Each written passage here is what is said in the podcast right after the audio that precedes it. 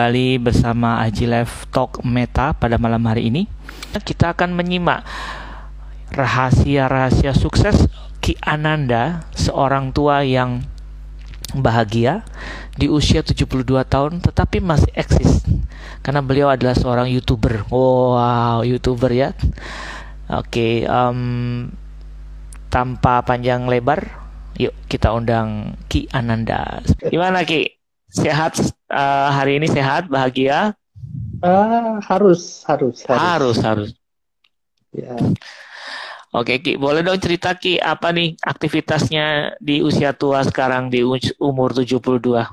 Sebetulnya saya orang yang nggak bisa diem ya, hmm. tapi karena PPKM mau nggak mau ya harus diem juga. Oke. Okay. Jadi sekarang ini lebih banyak diem lah nggak nggak ada aktivitas apa-apa bahkan antar jemput anak sekolah pun eh, nggak juga karena mereka kan sekolahnya daring hmm. jadi oh, benar-benar eh, banyak diam di rumah sekarang ini Oke oke. Jadi Aki kalau tidak pandemi, Aki itu mengantar jemput cucunya atau uh, apa kayak sewa antar jemput sewa gitu driver? Iya, iya hanya cucu sendiri. Um, kalau tadi Aki bilang uh, tidak bisa diam, biasanya Aki ke mana aja kalau nggak bisa diam tuh? Biasanya begini, karena teman-teman itu tahu bahwa saya uh, senang jalan dan mereka juga udah terima enaknya kalau jalan sama saya itu. Mereka suka bikin kelompok. Uh, ayo Ki, kita jalan ke mana gitu. Nah, aturin ya eh, sekian hari kita apa aja yang akan kita lihat. Nah, jadi saya pergilah. Oh, jadi kayak agent agent travel. Katakan begitu. Nah. Ini kan pandemi mau nggak mau kita dikurung nih Ki. Lebih sering dikurung hmm. di rumah gitu ya. Nah, ketidak bisa diam atau Aki ini kan nggak bisa diam. Apa yang Aki lakukan?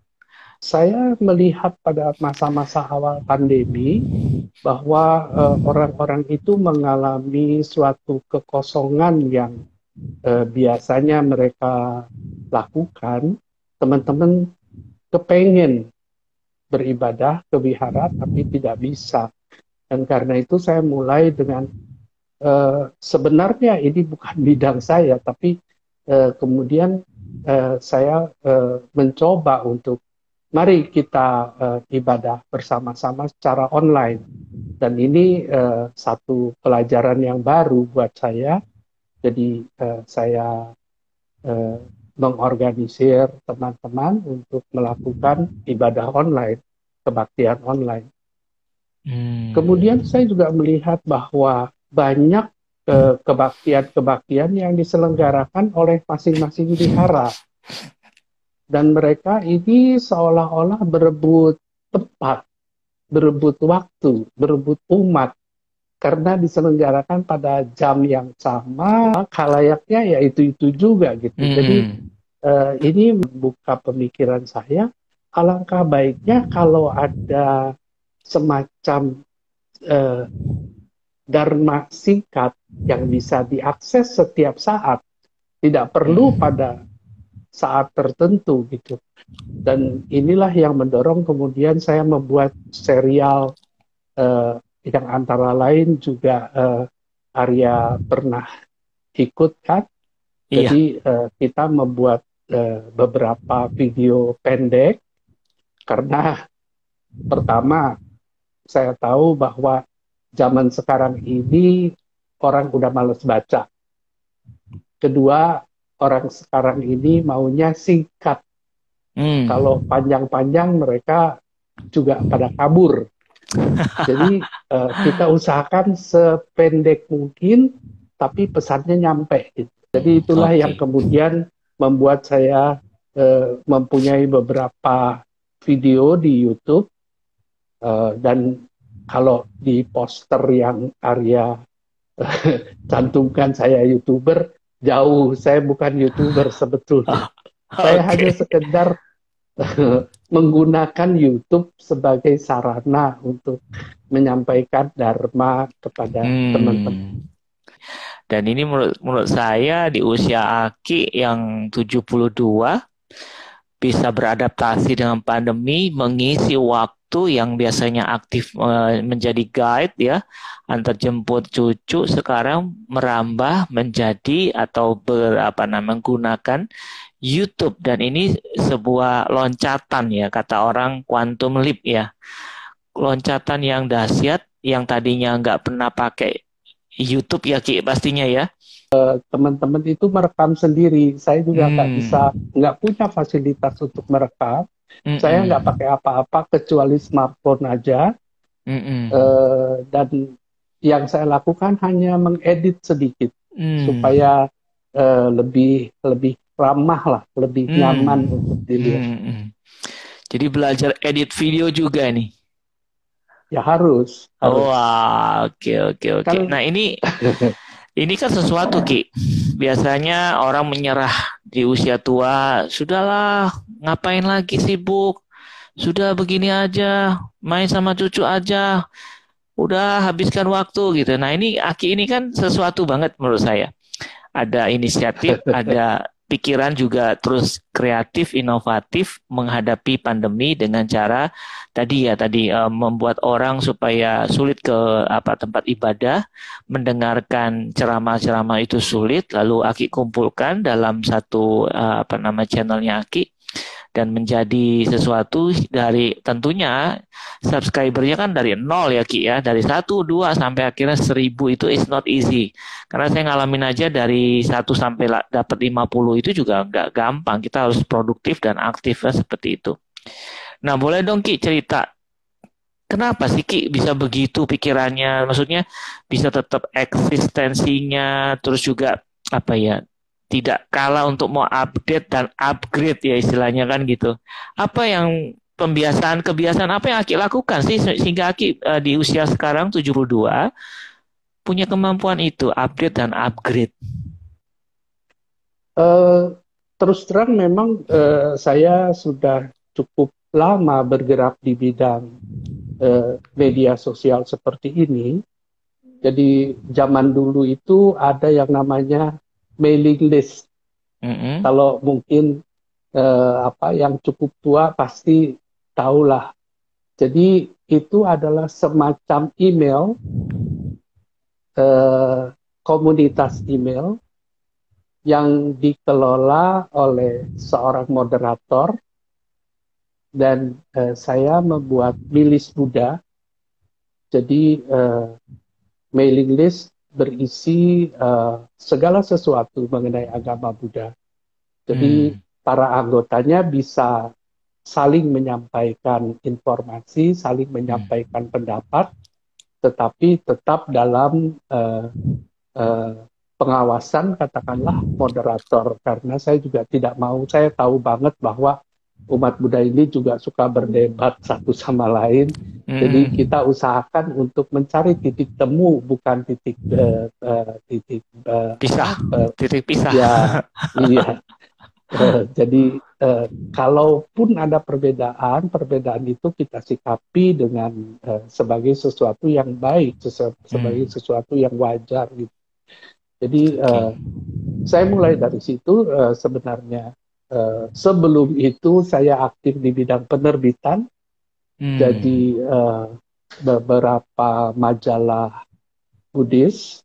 Saya adalah perintis majalah Buddhis anak-anak. Ketika itu majalah Buddhis anak-anak belum ada. Hmm. Jadi saya mulai dari situ. Kemudian juga uh, uh, majalah yang non sektarian Hmm. Karena umumnya majalah Buddhis yang ada itu berinduk kepada masing-masing sekte, tetapi eh, majalah kami itu non sektarian. Walaupun hidupnya kembang kempis ya, itu eh, hmm. dibantu sama teman-teman. Jadi memang sebenarnya barangkali sejak awal saya ini orangnya nggak bisa diem. Hmm, Apa pun hmm, akan saya apa uh, uh, saya selalu mencari cara bagaimana kita bisa uh, saling terhubung satu sama lain. Hmm. Jadi uh, pembatasan pandemi ini bukan sesuatu yang uh, uh, halangan yang baru buat saya, Tapi Hmm. ini justru menimbulkan pemikiran-pemikiran yang baru.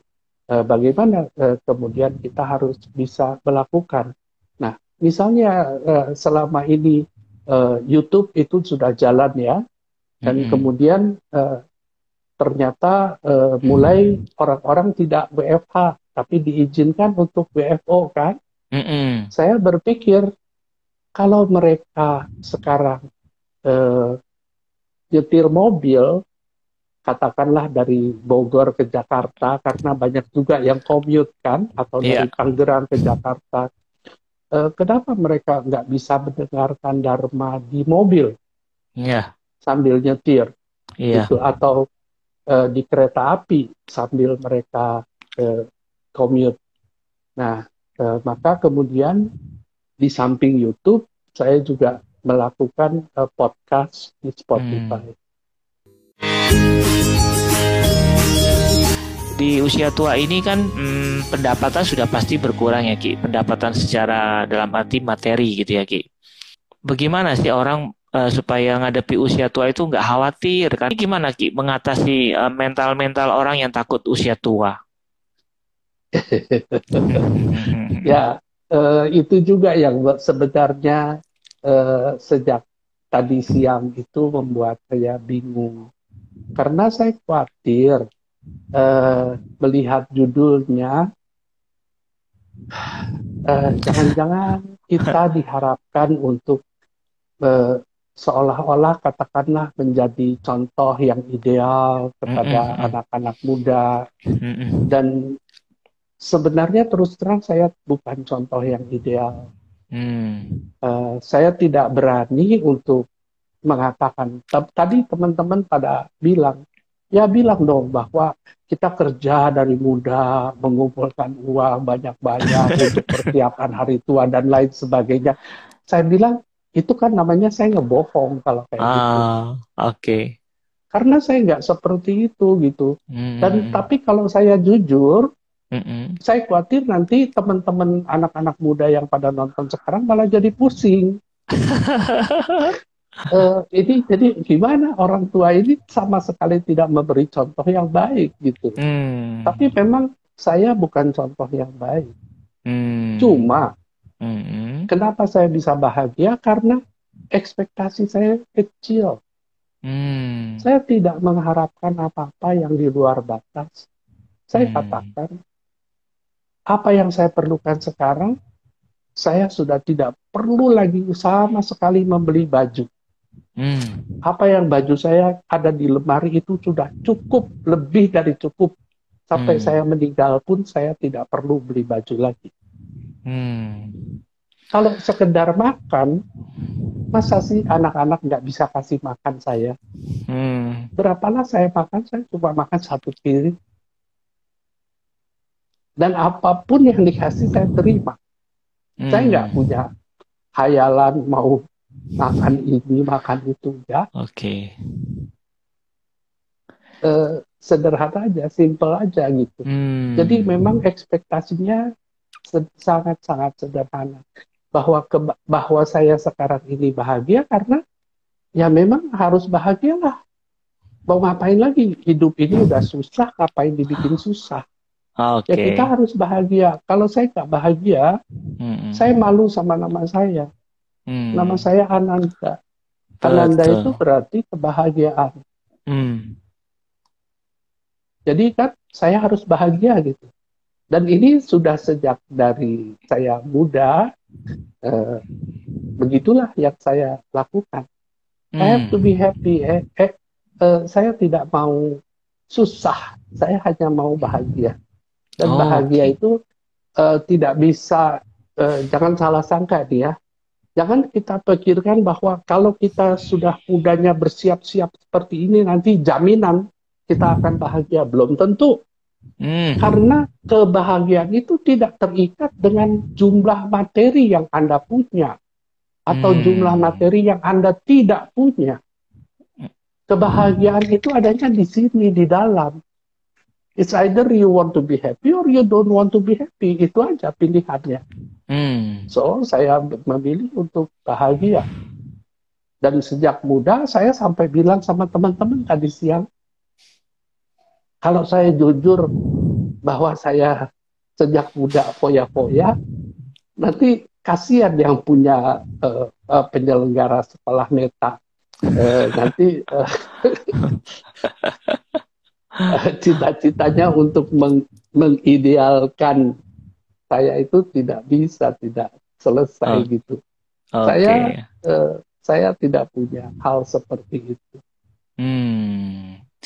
Oke, jadi waktu muda uh, Aki menikmati usia muda begitu saja, tidak ada resep-resep khusus, harus kerja apa gitu, harus sekolah tinggi-tinggi, atau harus bekerja di tempat-tempat yang uh, dengan pendapatan besar atau bagaimana gitu, Ki? Saya tidak punya titel, hmm. saya tidak punya gelar sarjana, saya hmm. ini drop out mahasiswa hmm. drop out uh, tingkat dua Mm -hmm. uh, uh, ya sama lah seperti uh, apa anak muda pada umumnya. Uh, saya juga suka bolos, saya juga hmm. suka nggak mengerjakan ulangan atau hmm. PR.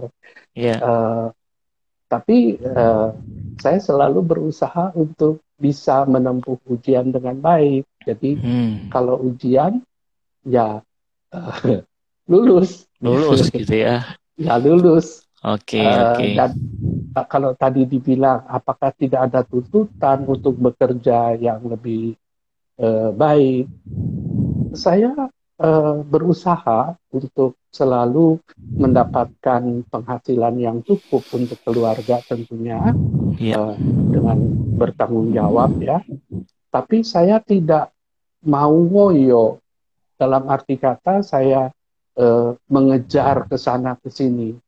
Jadi pekerjaan saya sebetulnya uh, tidak banyak.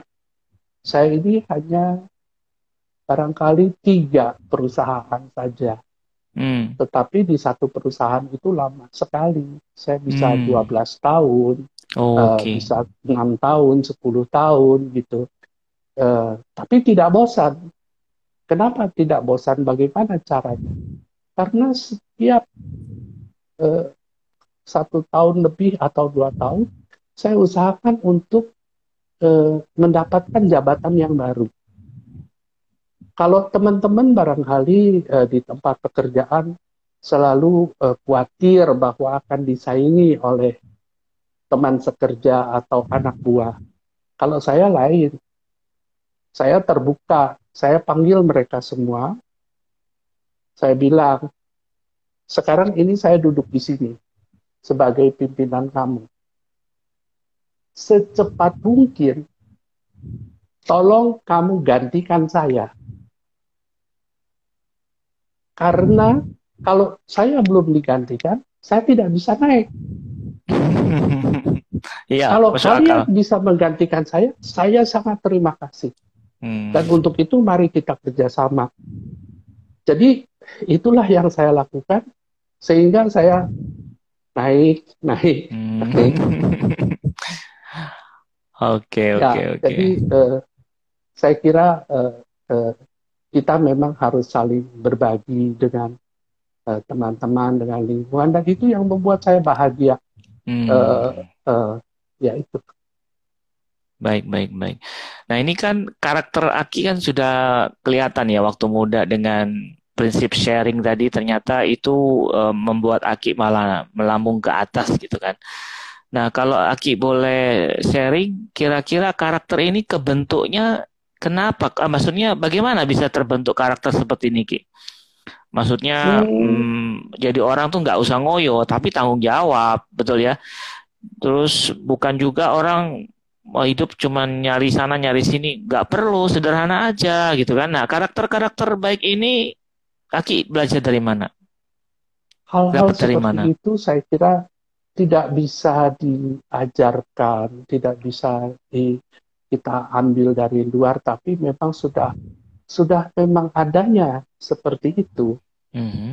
Jadi kalau boleh saya uh, mundur lagi lebih jauh ke belakang, bahkan uh, sekitar kelas-kelas Eh, tiga, kelas empat, itu saya mengorganisir uh, teman-teman tetangga kita pulang sekolah kita uh, latihan sama-sama. Uh, kemudian nanti hari Minggu kita mengadakan bazar. Hmm. uh, ini aneh ya uh, anak kelas 3 kelas 4 kita mengadakan bazar.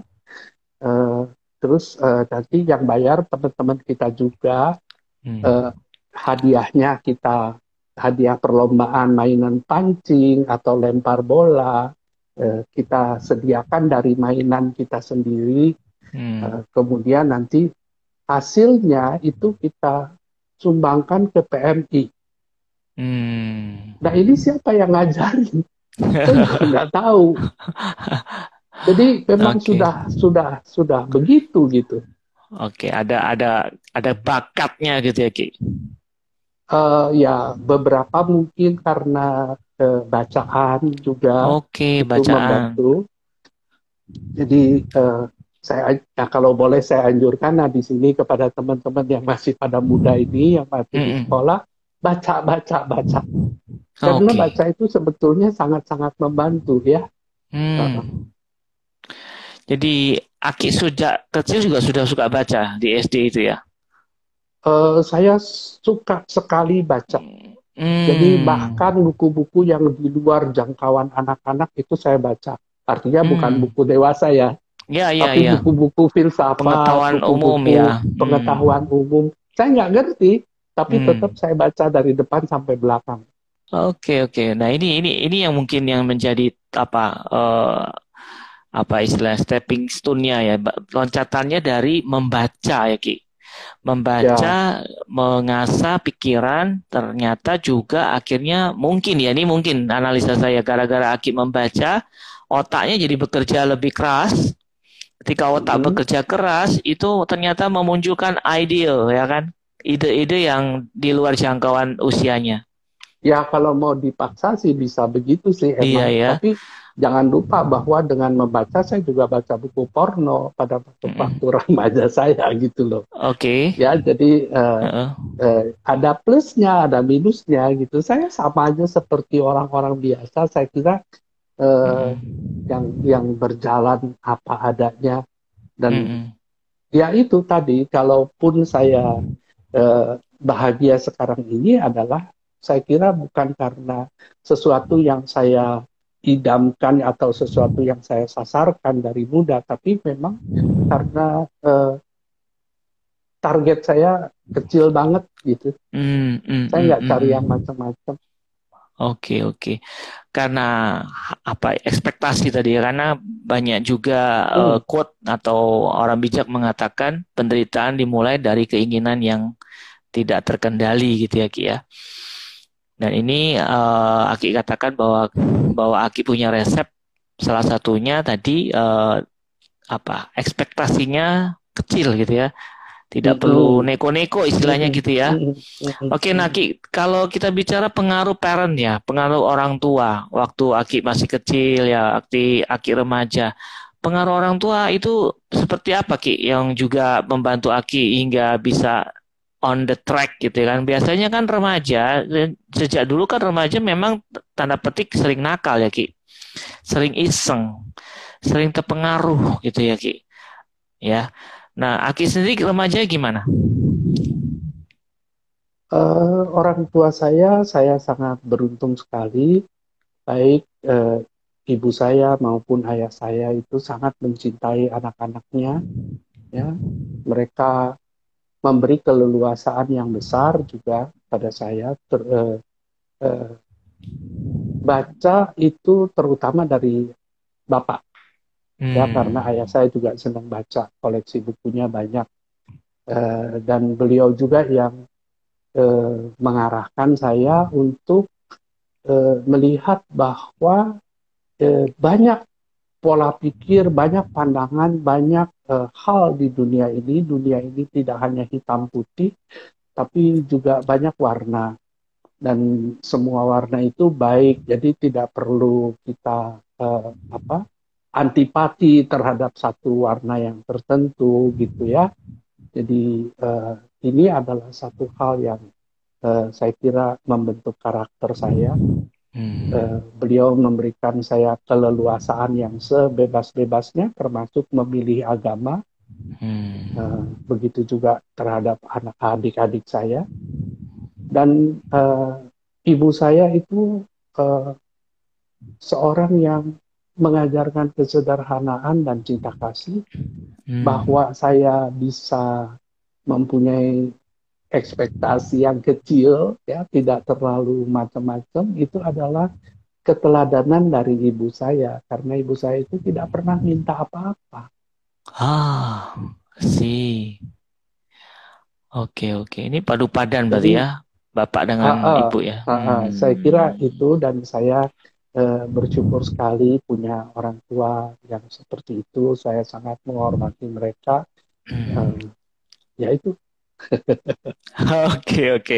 Nah ini dapat keluhnya ini ya bahwa orang tua yang memberi contoh yang baik, teladan yang baik, ternyata melahirkan generasi berikutnya juga baik. Bahkan mungkin jadi perpaduan ya. Bapak tadi suka membaca, ibu ekspektasinya tidak terlalu tinggi atau nggak minta macam-macam, dipadukanlah jadi Aki Ananda pada hari ini, gitu ya.